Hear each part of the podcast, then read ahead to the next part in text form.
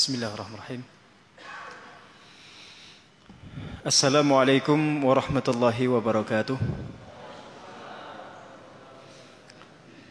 Alhamdulillah. Alhamdulillahilladzi hadana li hadza wa ma kunna linahtadiya laula an hadana Allah. Salatu wassalamu ala Rasulillah Muhammad ibn Abdullah wa ala alihi wa sahbihi wa mawalah. La لا حول ولا قوة إلا بالله. بشر لصدري ويسر لي أمري الأقدة من لساني يفقه قولي. اللهم لا علم لنا إلا ما علمتنا إنك أنت العليم الحكيم. فعلمنا ما ينفعنا وانفعنا بما علمتنا والحمد لله على كل حال. معاشر المسلمين رحمكم الله. بابا بابا ابو jamaah yang dimuliakan Allah Subhanahu wa taala. Mari selalu kita bersyukur pada Allah atas berbagai nikmat dan karunia yang Allah curah limpahkan kepada kita semua sehingga malam hari ini kita bisa berkumpul kembali di Masjid Al-Barru ini guna melanjutkan kajian tafsir surah An-Nisa. Malam ini kita akan mengkaji empat ayat ayat 97 sampai ayat 100 surah An-Nisa. Yang kedua kita sampaikan salam dan salam untuk junjungan kita Nabi Agung Muhammad sallallahu alaihi wasallam yang kita harapkan syafaatnya dan kita ikuti segenap sunnah-sunnahnya. Mari kita awali kajian kita dengan baca lafaz basmalah bersama-sama. Bismillahirrahmanirrahim. أعوذ بالله من الشيطان الرجيم إن الذين توفاهم الملائكة ظالمي أنفسهم ظالمي أنفسهم قالوا فيم كنتم قالوا كنا مستضعفين في الأرض قالوا ألم تكن أرض الله واسعة فتهاجروا فيها فأولئك مأواهم جهنم وساءت مصيرا إلا المستضعفين من الرجال والنساء والولدان والولدان لا يستطيعون حيلة ولا يهتدون سبيلا. فأولئك عسى الله أن يعفو عنهم وكان الله عفوا غفورا. ومن يهاجر في سبيل الله يجد في الأرض مراغما كثيرا وسعة. ومن يخرج من بيته مهاجرا إلى الله ورسوله ثم يدركه الموت ثم يدركه الموت فقد وقع أجره على الله. وكان الله غفورا رحيما إن الذين tawaffahumul malaikah Sesungguhnya orang-orang yang diwafatkan oleh malaikat zalimi anfusihim dalam kondisi mendolimi diri mereka sendiri qalu para malaikat itu berkata bertanya kepada mereka fima kuntum fima dalam kondisi apa kuntum kalian berada dalam kondisi apa ketika kalian diwafatkan itu? Qalu kami atau mereka berkata kunna kami mustata'afina fil ard. Kami dalam kondisi sedang dilemahkan di bumi. Dianiaya didolimi di bumi. Bumi yang dimaksud di sini adalah kota Mekah. Qalu para malaikat itu berkata, Alam takun ardullahi wasi'atan Bukankah bumi Allah itu luas Fatuhajiru fiha Kenapa kalian tidak hijrah menuju ke bumi Allah yang luas itu. Faulaika maka mereka itulah ma'wahum jahannam. Yang tempat kembali mereka itu adalah neraka jahannam.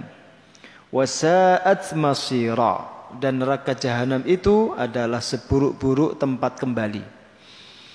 Illal mustata'afin kecuali orang-orang yang lemah minar rijal baik dari kalangan laki-laki wan nisa'i dan kaum wanita wal wildani dan anak-anak la yastati'una hilatan yang mereka tidak mampu mendapatkan jalan keluar tidak mampu meloloskan diri wala yahtaduna sabila dan tidak mengetahui jalan menuju negeri hijrah itu Faulaika maka mereka itu asallahu ayya'fuwa anhum. Semoga Allah mengampuni kesalahan mereka. Wa kana Allahu afuwan ghafura dan adalah Allah zat yang maha memberikan maaf lagi maha mengampuni. Waman dan barang siapa yuhajir yang melaksanakan hijrah fi sabilillah dengan tujuan untuk menegakkan agama Allah yajid fil ardi muragaman maka ia akan mendapati di bumi tempat hijrahnya itu muragaman tempat tinggal sebagai ganti yang dia tinggalkan. Kathira yang jumlahnya banyak wasa'atan dan kelapangan atau keluasan. Kelapangan di sini maksudnya kelapangan rezeki keluasan kehidupan dan seterusnya. Waman dan barang siapa yakhruj yang keluar min baitihi dari rumahnya muhajiran. Untuk tujuan hijrah ilallahi menuju Allah wa rasulihi dan rasulnya. Summa yudrikhul mautu. Kemudian ia didahului oleh kematian. Sebelum sampai tempat tujuan faqad waqa'a ajruhu 'ala Allah maka pahalanya itu menjadi tanggungan Allah. Wa kana Allahu ghafurar rahima. Dan adalah Allah zat yang maha luas ampunannya lagi maha luas rahmatnya. Bapak Ibu yang kami hormati, ini kita pelajari pelajaran dari ayat 97 surah An-Nisa sampai ayat 100 ini satu persatu. Yang pertama ayat 97. Coba kita fahami dulu ya. Sesungguhnya orang-orang yang telah diwafatkan malaikat dalam kondisi mendolimi diri mereka sendiri. Kalau kita membaca di sabab nuzul daripada ayat ini, maka kita akan faham makna mendolimi diri sendiri itu. Mal murad bidzalimi anfusihim. Apa yang dimaksud dengan kalimat mereka mendolimi diri mereka sendiri? Saya bacakan ya. Sebab nuzulnya.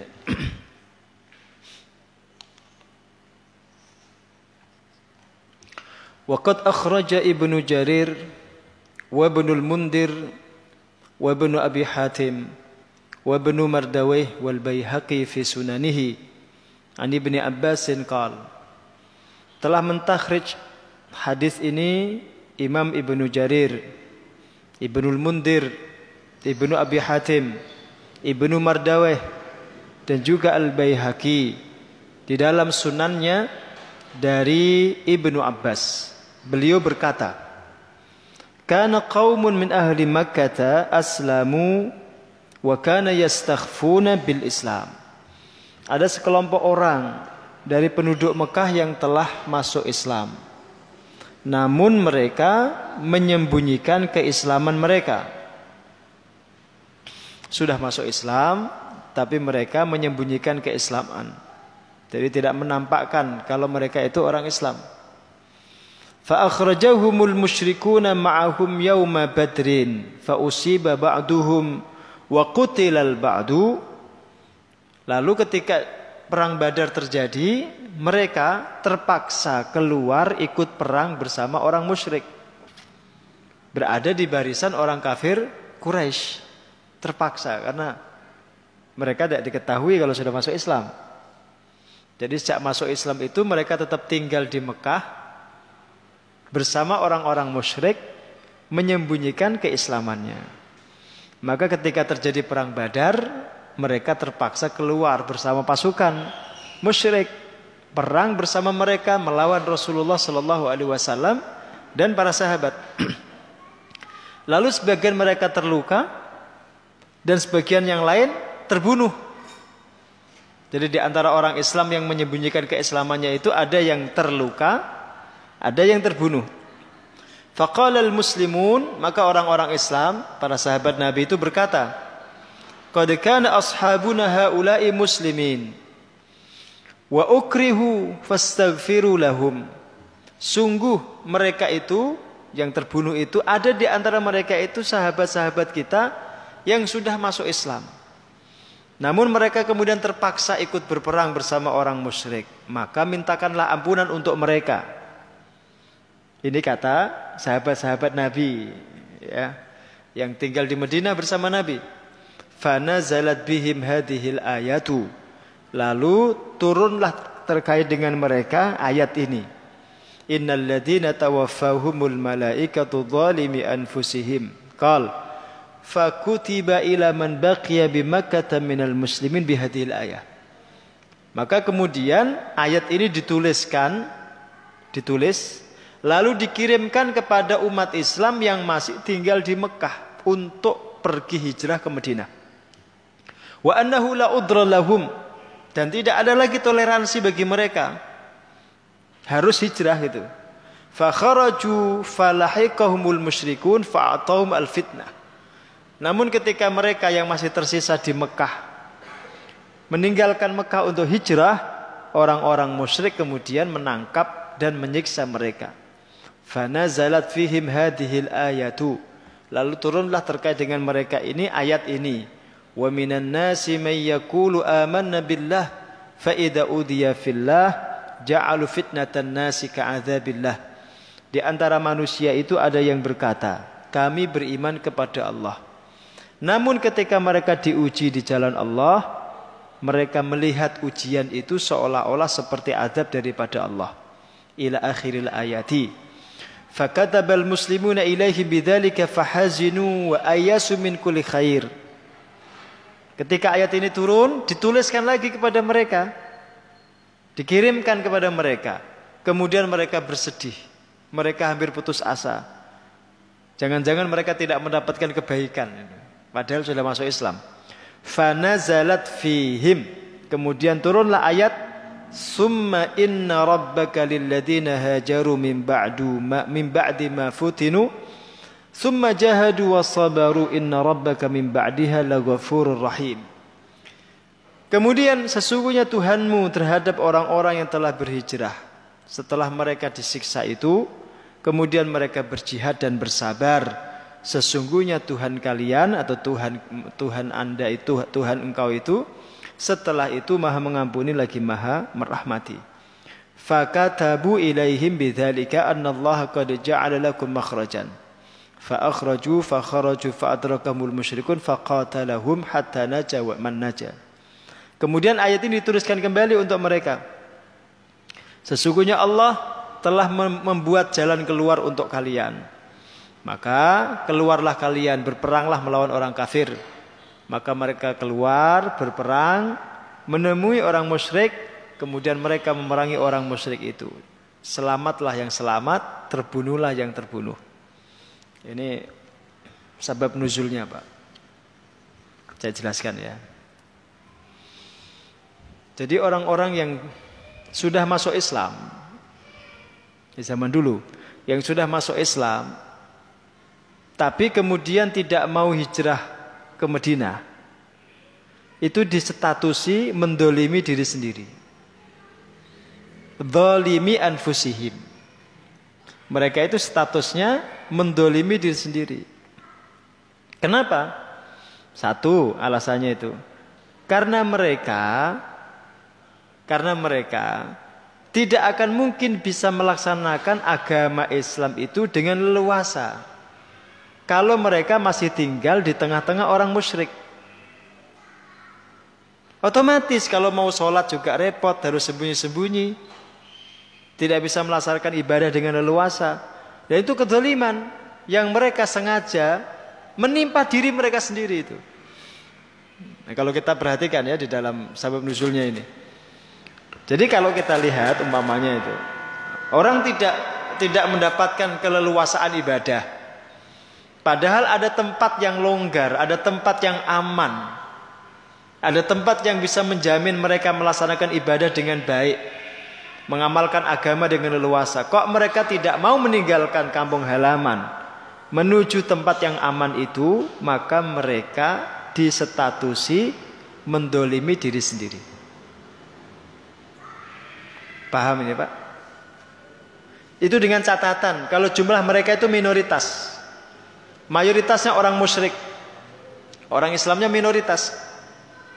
Catatan yang kedua, kalau ada alternatif tempat yang aman. Kalau nggak ada alternatif tempat yang aman, ya seperti di masa Rasulullah ketika masih di Mekah itu.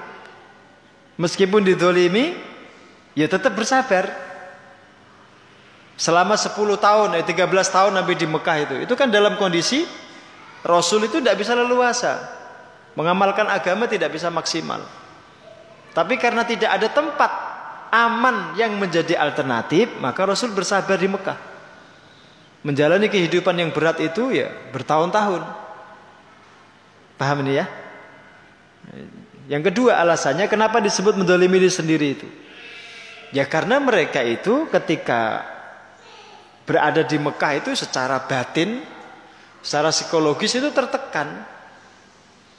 Mau hijrah eman meninggalkan kampungnya, sayang meninggalkan rumah dan harta bendanya, tidak hijrah, mereka tidak bisa leluasa. Itu orang-orang yang dilema itu. Yang seperti itu ternyata oleh Allah disalahkan. Disalahkan, nggak boleh membiarkan diri dalam kondisi seperti itu. Maka hijrah itu pilihan. Pilihan perjuangan. Kalau kondisi seperti itu maka wajib mereka hijrah menuju Madinah. Wajib. Tidak boleh berdiam diri di Mekah dalam kondisi seperti itu. Maka disetatusi zalimi anfusihim. Nah fatalnya itu kan kalau kemudian dalam dalam kondisi mereka sedang mendolimi diri sendiri seperti itu, terus mereka mati. Maka kematiannya itu musibah. Maka terjadilah kemudian dialog ini. Mereka ketika mati itu ditanya oleh malaikat yang mencabut nyawa itu. Setelah mati itu. Ini dialog setelah mereka mati. Qalu fima kuntum. Mereka para malaikat itu bertanya, "Bagaimana kondisi kalian ketika berada di Mekah itu?" Mereka menjawab, "Qalu kunna mustad'afina fil ard." Ketika kami di Mekah itu kami dalam kondisi didolimi, dilemahkan. Ya mereka jujur mengatakan itu. Kami tidak leluasa. Kami gak nyaman sebenarnya. Tapi gimana lagi? Tidak mungkin kami meninggalkan kampung halaman kami. Terus malaikat bertanya, Alam takun ardullahi wasi'atan fatuhajiru fiha. Bukankah bumi Allah itu luas? Kenapa kalian tidak hijrah menuju bumi Allah yang lain? Ini bahasa kita. Diwelehke malaikat. Kenapa kalian memilih tetap tinggal di negeri kalian dalam kondisi kalian didolimi seperti itu? Kok kalian tidak hijrah menuju tempat yang lain meninggalkan negeri kalian itu? Apakah bumi Allah cuma negeri kalian itu? Itu, itu bahasa. Diwelehke, disalahkan oleh malaikat. Disalahkan itu. Sehingga ketika ditanya seperti itu, mereka tidak bisa menjawab. Ketika tidak bisa menjawab, Allah mengatakan faulaika ma'wahum jahannam tuh. Tempat kembali mereka itu jahanam. Ada kesempatan hijrah, kemudian mereka tidak hijrah. Apalagi sampai kemudian ikut berperang bersama orang kafir melawan Rasulullah, itu dosa. Padahal sudah masuk Islam. Itu jelas dosa besar itu. Tidak hijrahnya saja itu dosa besar. Apalagi kemudian terpaksa meskipun terpaksa ya, berperang bersama orang kafir melawan Rasul Rasulullah. Itu tambahan lagi dosa bagi mereka. Maka akibatnya kemudian mereka masuk neraka jahanam. Wasaat masyira. Dan itulah seburuk-buruknya tempat.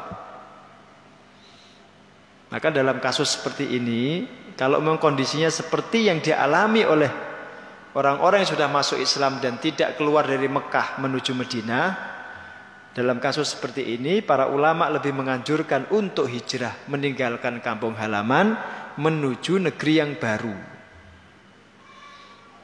Maka saudara-saudara kita di Rohingya itu ketika terpaksa harus meninggalkan Rohingya karena tertindas, karena didolimi dan jumlah mereka itu tidak seimbang kalau melawan orang-orang kafir, orang-orang musyrik, orang Hindu ya, atau orang Buddha?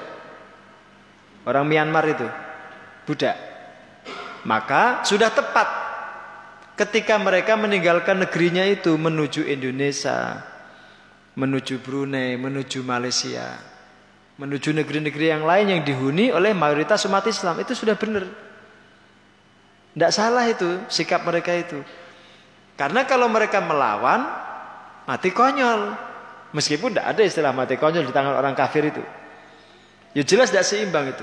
Maka ketika mereka eksodus meninggalkan negerinya menuju negeri yang baru itu boleh-boleh saja. Boleh-boleh saja. Bahkan itu terpuji. Tindakan yang terpuji. Tidak salah maksudnya itu. Paham ya? Tapi kalau kondisi umat Islam itu mayoritas, negeri itu mayoritas umat Islam, maka haram hukumnya meninggalkan negerinya. Contoh, seperti Indonesia dulu ketika dijajah oleh Belanda. Kita dalam kondisi mayoritas, penjajah itu yang minoritas. Umat Islam mayoritas, orang kafir minoritas, maka haram kita meninggalkan negeri kita ini. Yang kita lakukan yuk berjihad.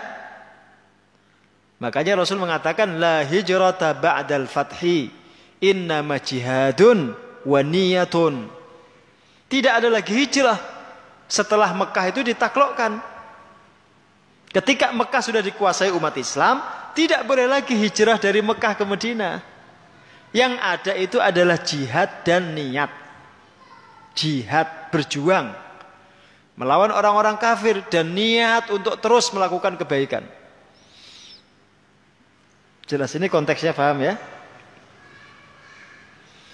Sama seperti kasus orang-orang Islam yang dulu di India.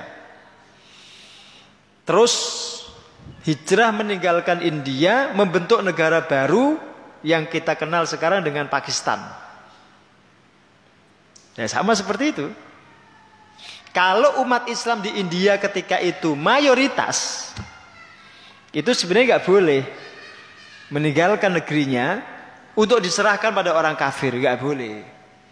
Tapi kalau umat Islam di India itu dulu minoritas, mau tidak mau harus meninggalkan negerinya, menuju negeri yang baru, membentuk negara yang baru, itu silahkan, boleh.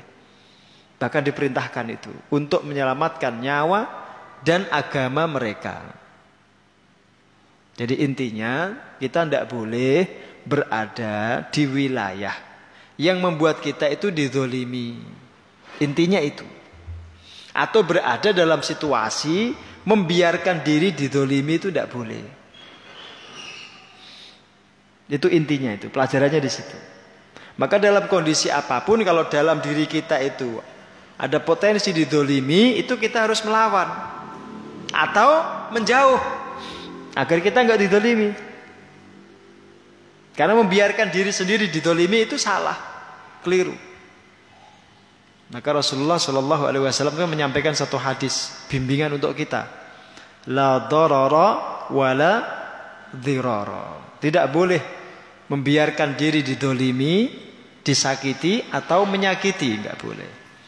Allah juga mengatakan la tatlimuna wala tutlamun. Jangan kalian mendolimi orang lain dan jangan pula kalian membiarkan diri kalian didolimi.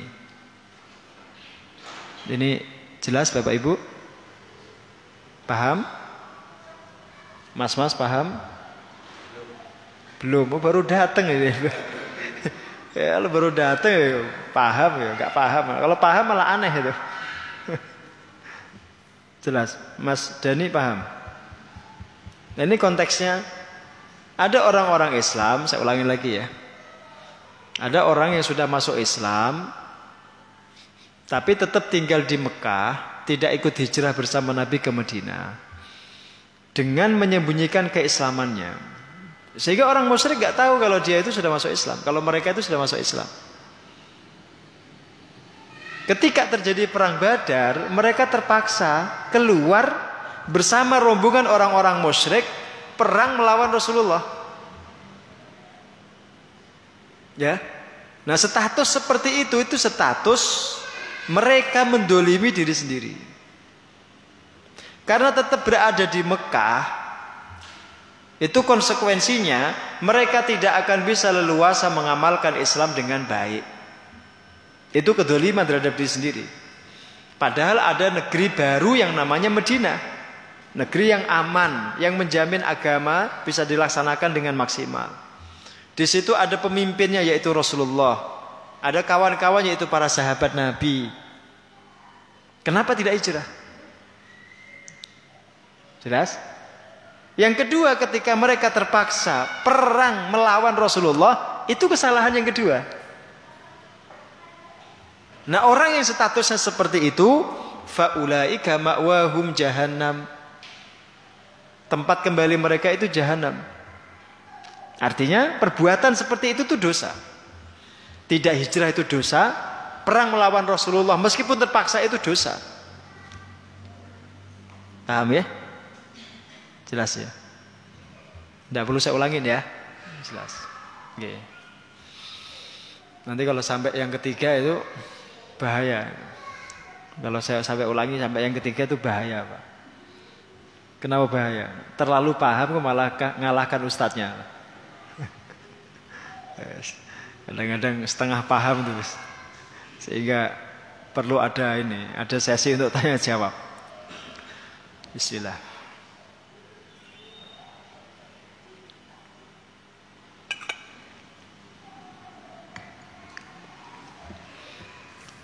illal mustata'afina eh mohon maaf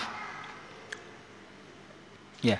Illal mustata'afina minar rijali wan nisa'i wal wildani la yastati'una hilatan wa la yahtaduna sabila. Kecuali orang-orang yang lemah.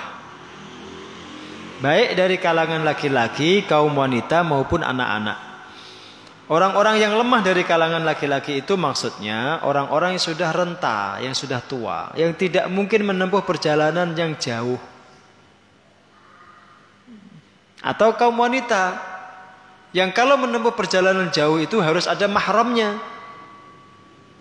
Termasuk anak-anak yang tidak mungkin berangkat sendiri ke Madinah, nggak tahu jalan. Maka mereka itu kata Allah, faulaika asallahu ayya'fu anhum. Semoga Allah memaafkan kesalahan mereka. Ya, ya tetap dihukumi salah ketika nggak hijrah itu. Tapi mereka berpotensi diampuni Allah.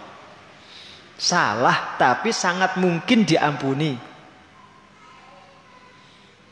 Makanya dulu Ummu Salamah itu Ummu Salamah ini cerita yang sangat heroik, bahkan mengharu biru. Kalau jenengan baca cerita ini tuh sedih. Ya, Dulu Ummu Salamah itu ketika ditinggal oleh Abu Salamah hijrah ke Medina. Abu Salamah masuk Islam, Ummu Salamah juga masuk Islam. Terus ketika Rasul hijrah, para sahabat hijrah, Abu Salamah itu hijrah, berangkat ke Medina.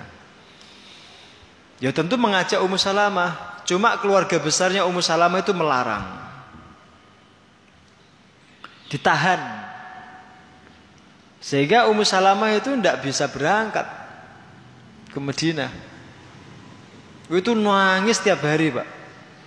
Ummu Salamah itu nangis tiap hari. Tiap hari, tiap pagi itu nangis dari terbit matahari sampai terbenamnya matahari.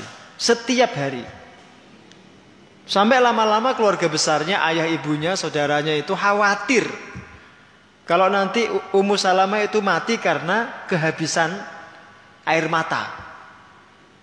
Sampai bengkak matanya itu bahkan di pipinya itu membentuk aliran mata ini apa air mata. Saking derasnya air matanya itu. Karena berpisah dengan suami tercintanya. Pada akhirnya kemudian terpaksa dibiarkan oleh keluarganya untuk hijrah ke Medina. Apa yang terjadi yang dilakukan? Dia hijrah ke Medina, Pak, seorang diri. Berangkat sendiri. Itu Ummu Salamah, perjuangan seperti itu. Nanti ketika dia sampai di Medina, selang beberapa waktu itu Abu Salamah meninggal. Baru ketemu beberapa saat itu Abu Salamah meninggal. Maka kepergian Abu Salamah itu ya kembali memukul beliau setelah berpisah sekian lama, kemudian berpisah untuk selamanya. Maka dalam kondisi sangat sedih seperti itu, ketika Rasul memberikan memberikan saran, memberikan motivasi, itu hampir-hampir gak diterima oleh Ummu Salamah. Sampai Ummu Salamah mengatakan, tidak ada suami sebaik suami saya. Tidak mungkin dia tergantikan. Nah Rasul kemudian mengatakan mendoakan itu. Mudah-mudahan engkau mendapatkan ganti yang lebih baik. Ummu Salamah masih mengatakan tidak mungkin.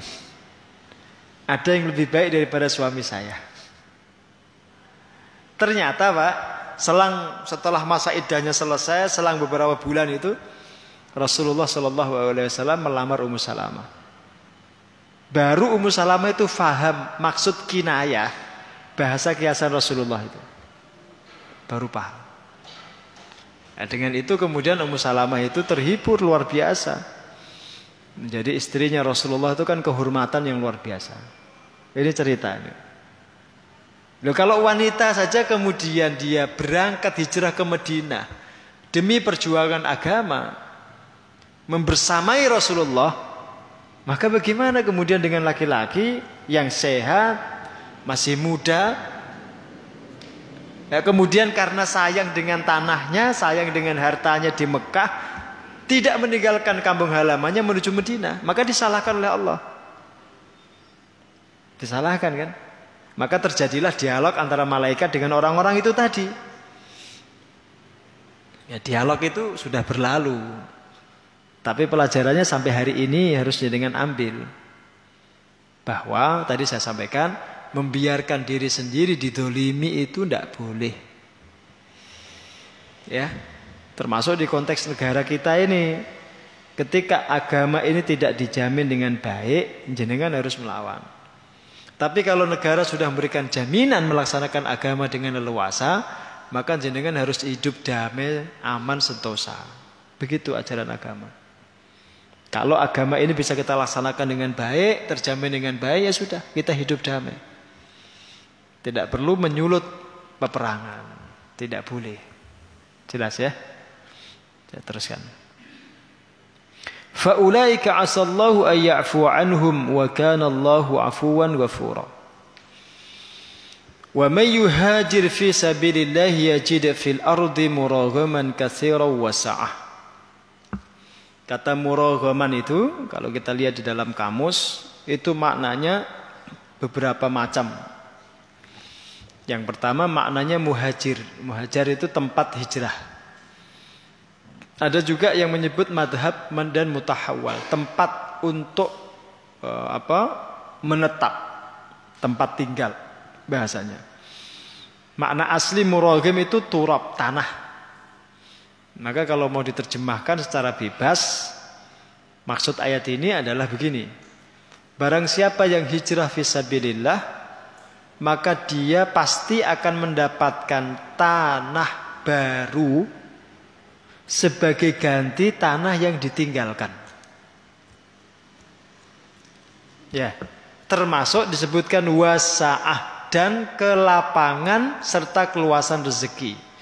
Mungkin dia tinggalkan asetnya, dia tinggalkan rumahnya, dia tinggalkan kampungnya, dia tinggalkan harta bendanya, tapi pasti diganti oleh Allah. Pasti diganti. Rumahnya akan diganti, tanahnya akan diganti, Harta bendanya akan diganti, bahkan keluarga handetolan yang dia tinggalkan pun akan diganti di negeri hijrah itu.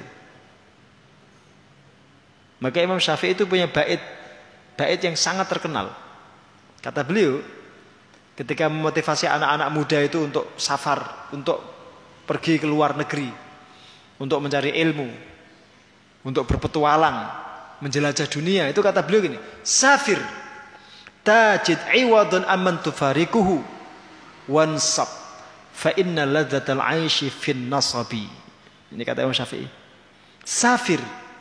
Safarlah kalian. Pergilah kalian dari kampung halaman kalian kalian akan mendapati ganti apa yang kalian tinggalkan di negeri kalian itu. Kalau kita meninggalkan rumah akan dapat ganti rumah. Kita meninggalkan tanah akan dapat tanah. Kita meninggalkan keluarga akan dapat keluarga yang baru. Kita meninggalkan teman-teman kita akan mendapatkan teman-teman yang baru. Meninggalkan pekerjaan akan dapat pekerjaan yang baru. Itu kata Imam Syafi'i. Terus di ujungnya beliau mengatakan one stop dan berlelah-lelahlah. Bekerjalah dengan dengan payah sampai lelah. Fa inna ladzatal 'aisy fin nasabi. Karena kelezatan hidup itu ada dalam kelelahan. Orang itu tidak akan pernah merasa puas dengan hasil yang dicapai kalau dia tidak bekerja dengan giat sampai lelah. Coba aja.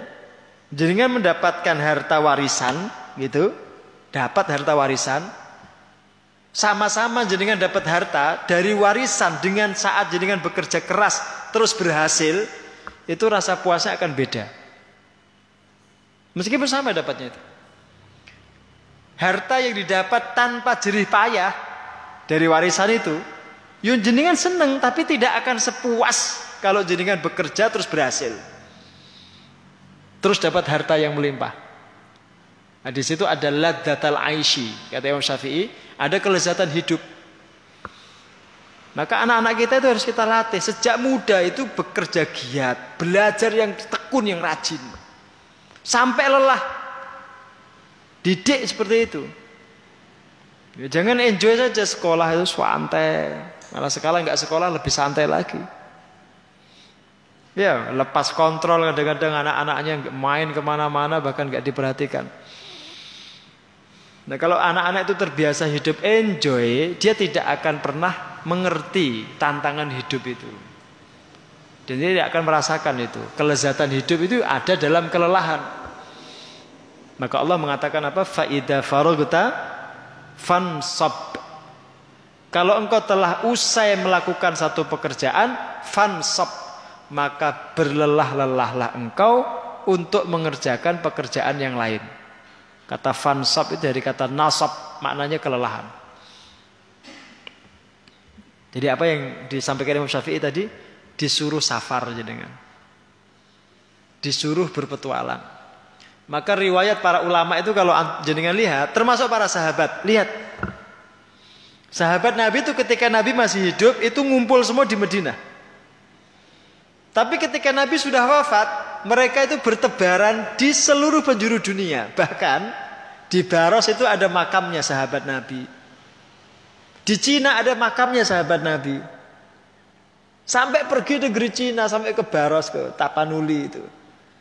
Bertebaran sampai di Konstantinopel.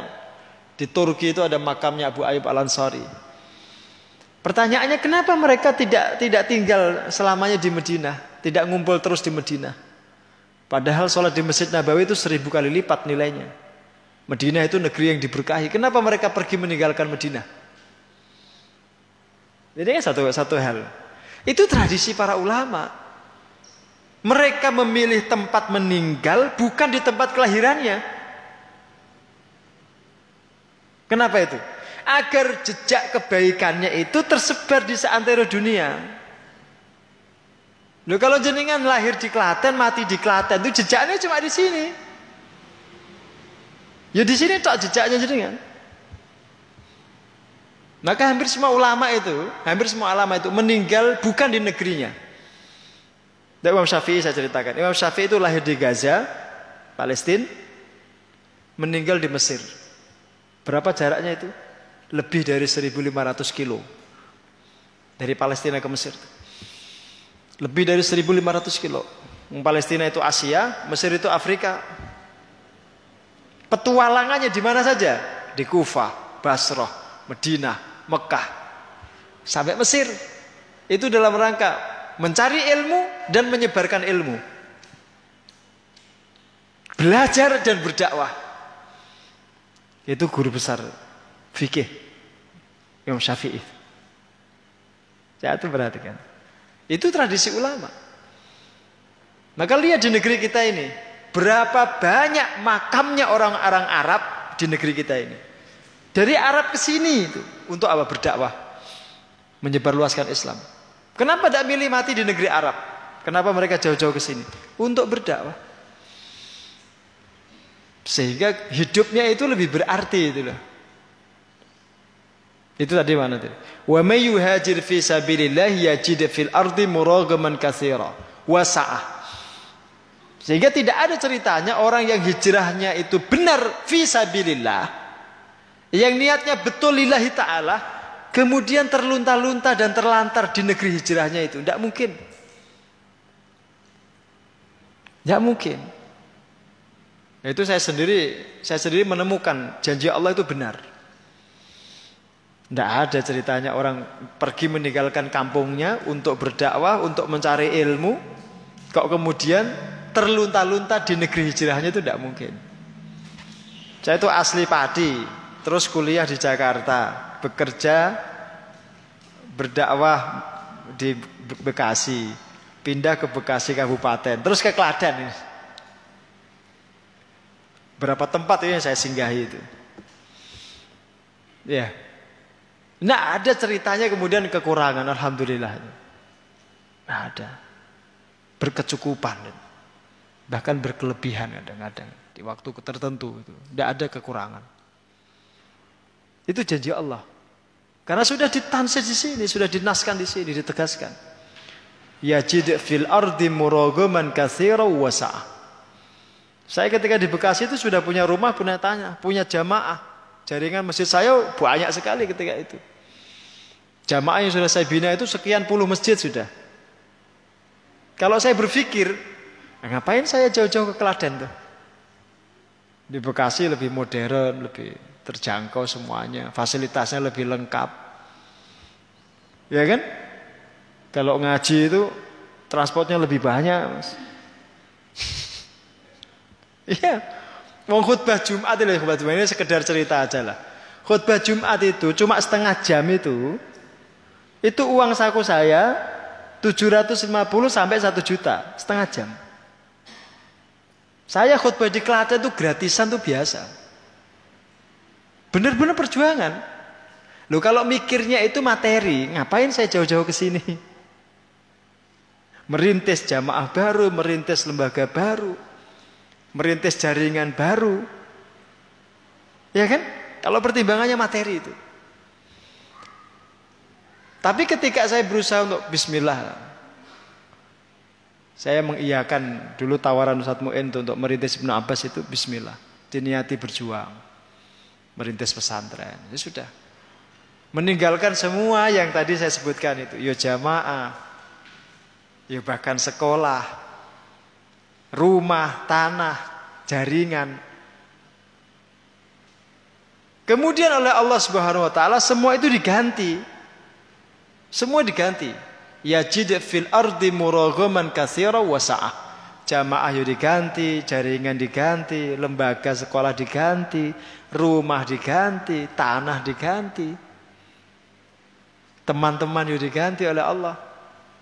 Mendapatkan jamaah yang jauh lebih baik Ya. Jenengan lu bagi saya jauh lebih baik daripada jamaah saya zaman dulu. Karena orang Klaten itu asik. Orang Klaten itu kan kalem-kalem. Kalau sudah dihidangi snack begini aja gak segera dimakan. Nunggu ke. Itu saya nggak mendapat tradisi itu di mana-mana itu. Cuma di Klaten. Kalau di Padi pak, baik jenengan disuguhi snack, disuguhi minuman. Tanpa ke itu kalau sudah di depan langsung dimakan. Orang Klaten itu kan unik, enggak ditunggu dulu sampai dimanggake baru disantap. Itu tradisi orang Klaten itu. Yang kadang-kadang membuat saya itu kadang-kadang nggak sabar. Eh kapan dedanya tapi kok suwe men Sampai tuan rumahnya manggake baru itu disantap. Nah, terus terang ini tahadus bin nikmah. Tahadus bin nikmah ya. Jadi menceritakan nikmat. Klaten itu bagi saya tempat tinggal yang terbaik bagi saya. Daerahnya kondusif, sosial kemasyarakatannya bagus, masyarakatnya guyup, rukun, hampir tidak ada gejolak, udaranya bersih, kemudian sawah-sawahnya luas, airnya bagus, kayak. Kemudian yang paling menarik apa? Wisata kulinernya banyak. Ya, wisata kulinernya itu banyak.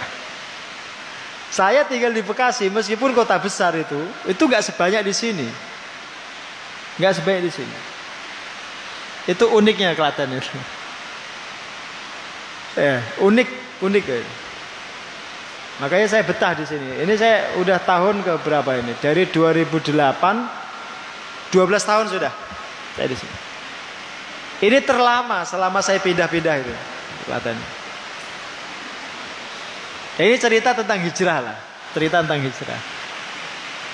Ya, kesimpulannya apa tadi saya sampaikan? Akan diganti oleh Allah. Negeri yang kamu tinggalkan itu akan diganti oleh Allah.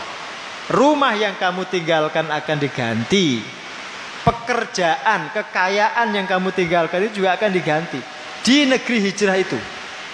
Ya jid fil ardi muragaman wasa'ah. Kata Allah. Akan diganti oleh Allah Subhanahu wa. Terus Wa may yakhruj min baitihi muhajiran ila Allah wa rasulih thumma yudrikul mautu faqad waqa'a ajruhu. Ini perhatikan.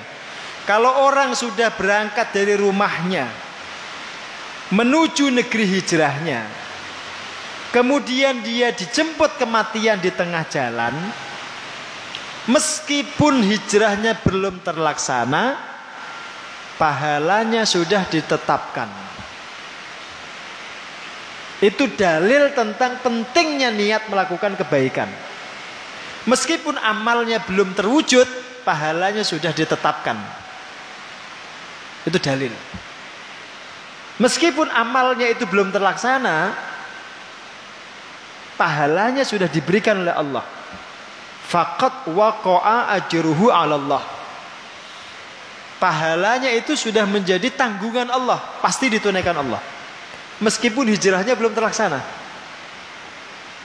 Maka kalau jenengan membaca nanti kisah-kisah seperti ini itu sangat banyak. Ada cerita Nabi tentang seorang laki-laki pembunuh bayaran itu.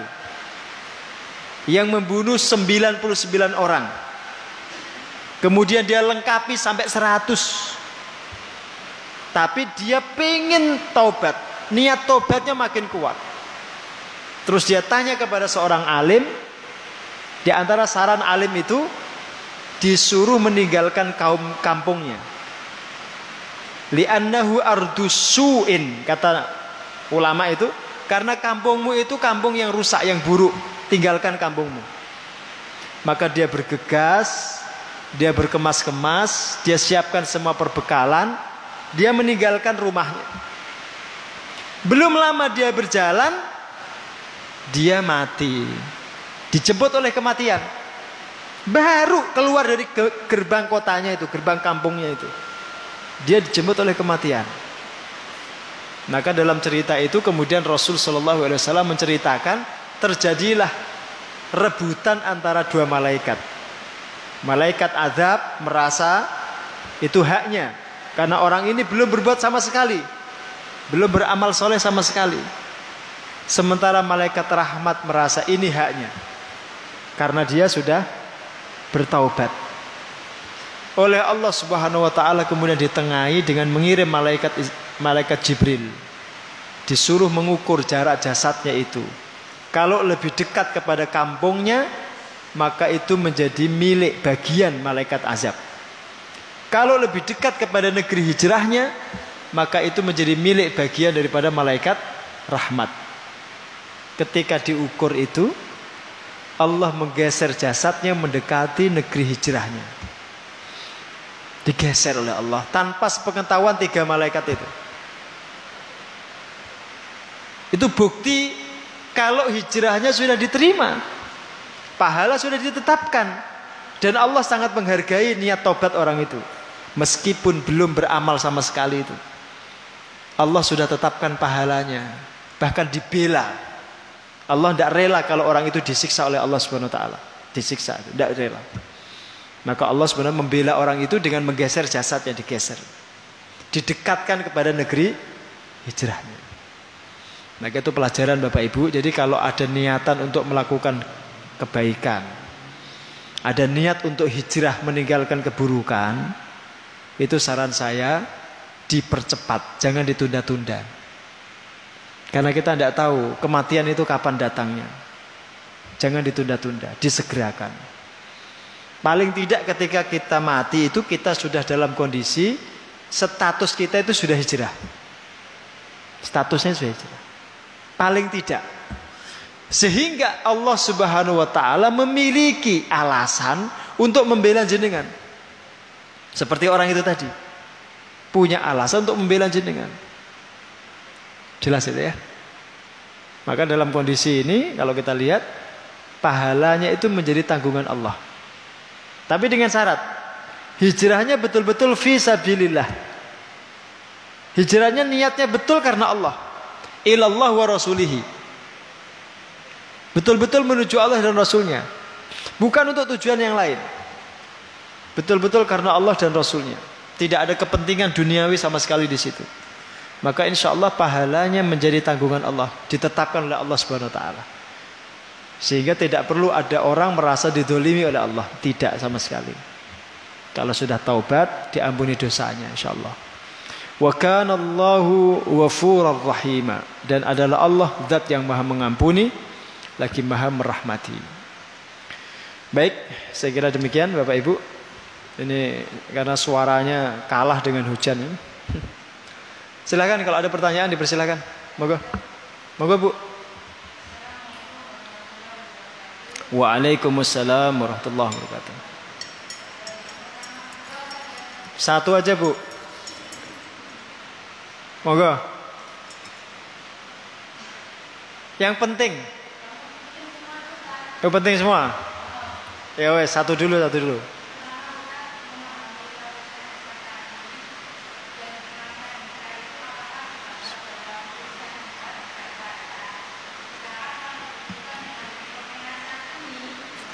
Enggak kedengeran ya bu Jenengan tulis mana bu Nanti dibawa ke sini bu Ditulis mana ditulis Dua tidak apa-apa, tak kasih bonus. Nggak kedengeran suaranya. Moga mas-mas yang dekat boleh bertanya sambil nunggu pertanyaan ibunya.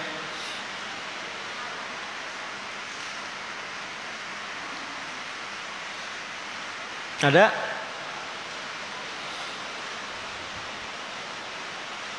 Sudah belum ibu?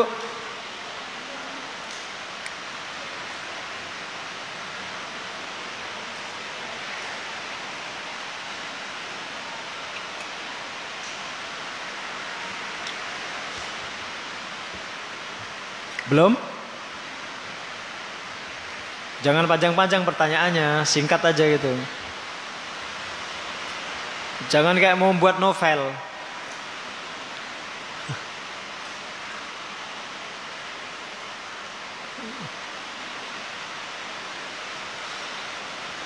Moga sambil dirahapi sambil nunggu tulisan pertanyaan.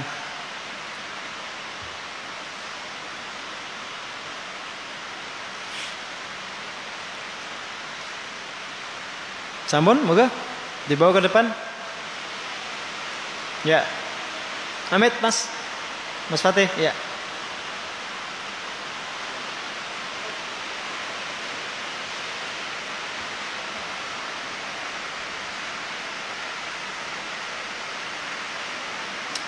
Pertama, makna hijrah. Apakah sebatas urusan syariat dan jihad? Hijrah itu maksudnya meninggalkan kampung halaman, menuju negeri baru dengan tujuan menyelamatkan diri dan agama. Itu niatnya. Jadi urusannya itu untuk menyelamatkan nyawa dan agama. Kalau pindah domisilinya bukan untuk tujuan itu, tidak disebut hijrah. Jadi kalau niat pindahnya itu umpamanya untuk urusan pekerjaan, nggak disebut hijrah. Ya itu pindah pindah kerja aja. Karena istilah hijrah itu itu istilah syariat. Jangan didefinisikan kecuali dengan definisi syar'i.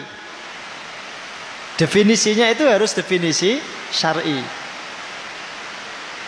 Ya.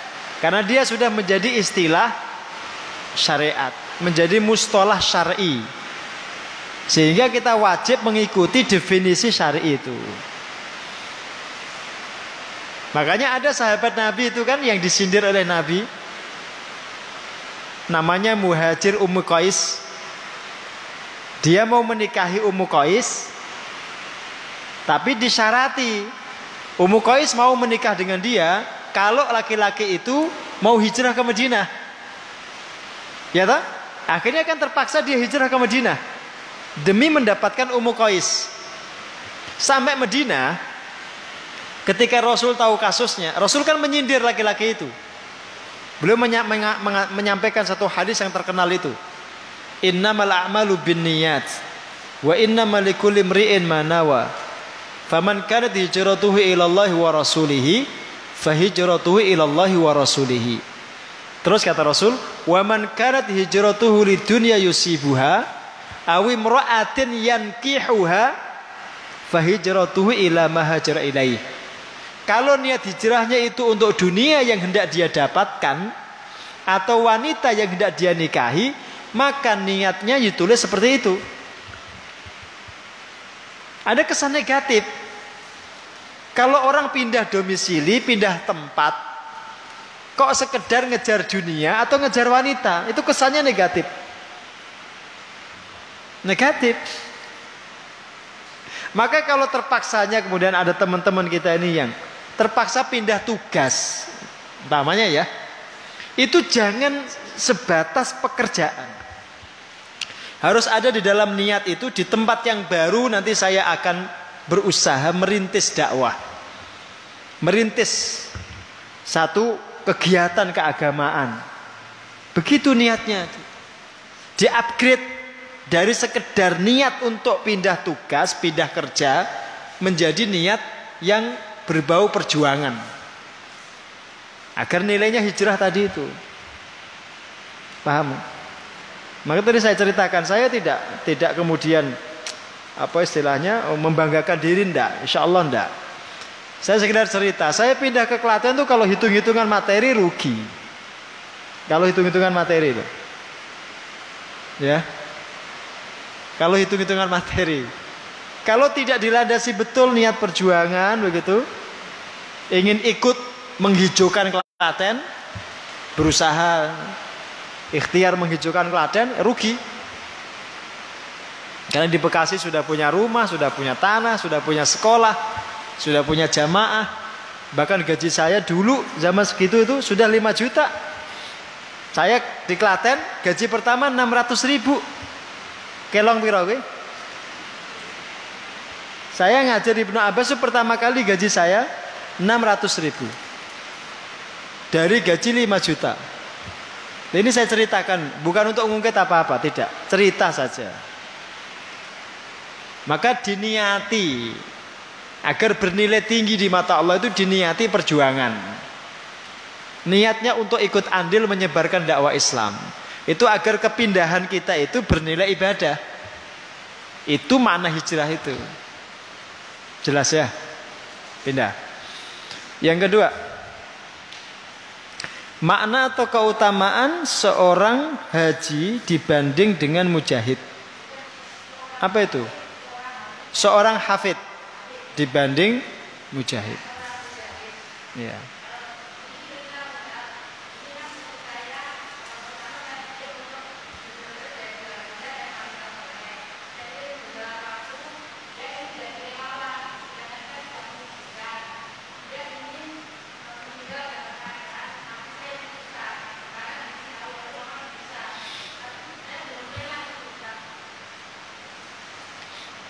Ya niat untuk mati syahid itu harus harus ada di hati siapa pun, harus.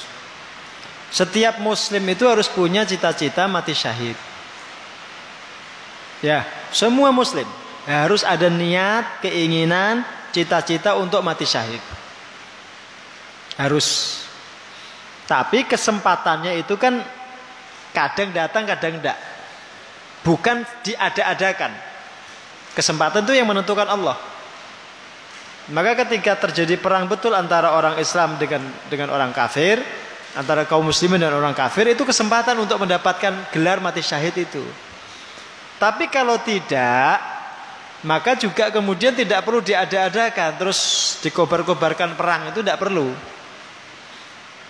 Hidup damai kita bisa maksimal menjalankan agama itu lebih baik dari perang yang daripada perang yang diada-adakan, yang direkayasa. Nah sekarang kalau kemudian dibandingkan, lebih utama mana orang yang hafid Quran dengan mujahid? Itu dua amal yang sama-sama istimewa. Di akhirat kelak itu ada tiga orang yang pertama-tama kali dihisap Allah. Yang pertama ahli Quran, yang kedua ahli sedekah, yang ketiga ahli jihad. Ah, itu amal paling tinggi. Itu amal paling tinggi, paling istimewa. Maka tidak perlu kemudian diadu, dibenturkan, nggak perlu. Dua-duanya bagus. Ahli Quran, hafid Quran itu luar biasa karena dia menjaga kitabullah. Orang yang berjihad juga bagus luar biasa karena menjaga agama Allah. Ya tergantung kan situasinya. Kalau dalam situasi tidak ada perang, maka jihad kita itu dengan menjaga Quran. Jihad kita. Cara menjaga agamanya dengan dakwah visabilillah. Mendirikan pesantren, meramaikan masjid, menyantuni anak yatim agar tidak dimurtadkan. Itu jihad juga. Makanya Quran tuh ketika bahas jihad itu kan dengan anfus dan amwal. Yang kemarin sudah kita bahas ya. Dengan harta dan jiwa. Kalau dengan jiwa itu mati visabilillah. Tapi kalau dengan harta itu wilayahnya luar biasa banyaknya itu. Lu jenengan sekedar umpamanya ya punya tetangga janda. Karena janda ini sudah tua, tidak punya suami, harus masih ngurusi anak-anaknya, jenengan santuni, jenengan bantu, itu, itu sudah dianggap jihad visabilillah oleh agama itu dinilai tinggi sekali nilainya itu termasuk perjuangan. Sekedar seperti itulah. Karena tidak ada kondisi perang toh. Maka jihadnya itu dengan berbagai cara. Yang penting agama Allah itu tegak syiarnya itu tinggi.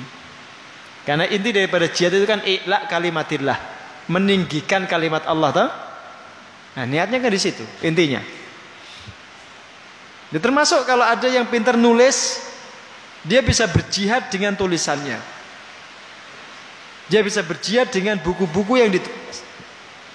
Kalau ada yang pintar menulis. Tulisan itu bisa memberikan inspirasi lebih dahsyat daripada ceramah. Kalau rangkaian kata-katanya itu luar biasa bagus. Dan dia lebih permanen, lebih abadi. Ya kitab-kitab para ulama termasuk yang di depan saya ini ini kan karya tulis ini. Kita tidak pernah mendengar beliau ceramah. Karena dulu nggak ada rekaman tuh, tapi bukunya abadi sampai sekarang. Ini termasuk karya jihad visabilillah ini. Karena dengan karya seperti ini agama kita terjaga. Artinya medan jihad itu beraneka ragam. Ya, tidak hanya perang visabilillah, beraneka ragam. Loh ya jelas kalau perangnya antara antara orang umat Islam dengan orang kafir jelas. Tapi kalau Indonesia dengan Malaysia sebaiknya nggak usah ikut-ikutan jenengan bu. Bodoh-bodoh orang Islam kok. Nggak ada nilai jihadnya itu. Wong Malaysia ya wong Islam, Indonesia ya wong Islam. Tidak perlu jenengan ikut-ikutan. Apalagi seperti ini. Musim pilkada kan, calonnya semua orang Islam. Nggak perlu sampai perang, sampai gelut, gontok-gontokan. Nggak usah. Yang paling nak menang ya juga lupa dengan jenengan kok. Coba, apa bedanya PLKB dengan pilkada itu? PLKB itu nak lali dadi. Pilkada nak dadi lali. Lu ngapain kemudian jenengan pertentangan sampai gelutan sama tetangga sama saudara? Sampai bermusuhan dengan saudara dengan teman. Enggak perlu. Supaya nyoblos nyoblos, bar nyoblos nyoto, nebu wes santai. Gak usah sampai jenengan diprovokasi. Wah ini perang ini enggak usah. Santai mawon. Kalau jenengan benar melakukan pertimbangan-pertimbangan, oh ini calonnya lebih baik daripada ini, silahkan, boleh aja. Tapi jangan diungkapkan di depan publik, di depan orang. Karena bisa jadi orang itu tidak sepakat dengan jenengan. Gara-gara gak sepakat itu dia merasa tersinggung, dia bisa marah, dia bisa ramen dengan jenengan, nanti akhirnya padu gelut. Itu pertimbangan pribadi disimpan aja dalam hati. Namanya rahasia kok. Ya. Ya nanti kalau saatnya nyoblos ya sudah. Anak bingung coblos kabeh, Ya, Nak bingung coblos si kabeh. Nah, malamnya jadi istikharah gitu aja. Tidak perlu dibawa ke suasana perang gitu. Itu maksud saya. Ya, nggak perlu dibawa dalam suasana perang. Ini karena calonnya semuanya Islam. Terlepas dari kualitas keislamannya itu. Tapi kan semuanya orang Islam toh? Artinya yang menang tetap umat Islam. Tetap umat Islam yang menang tuh.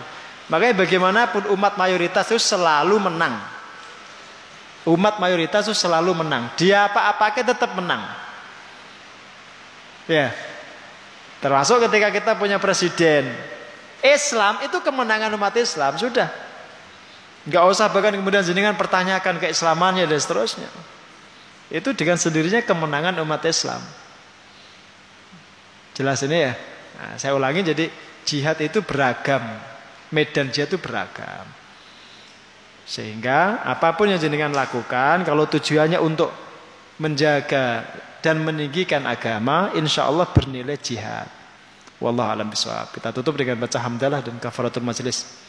Alhamdulillahirabbil alamin. Subhanallahi la ilaha illa anta. Assalamualaikum warahmatullahi wabarakatuh.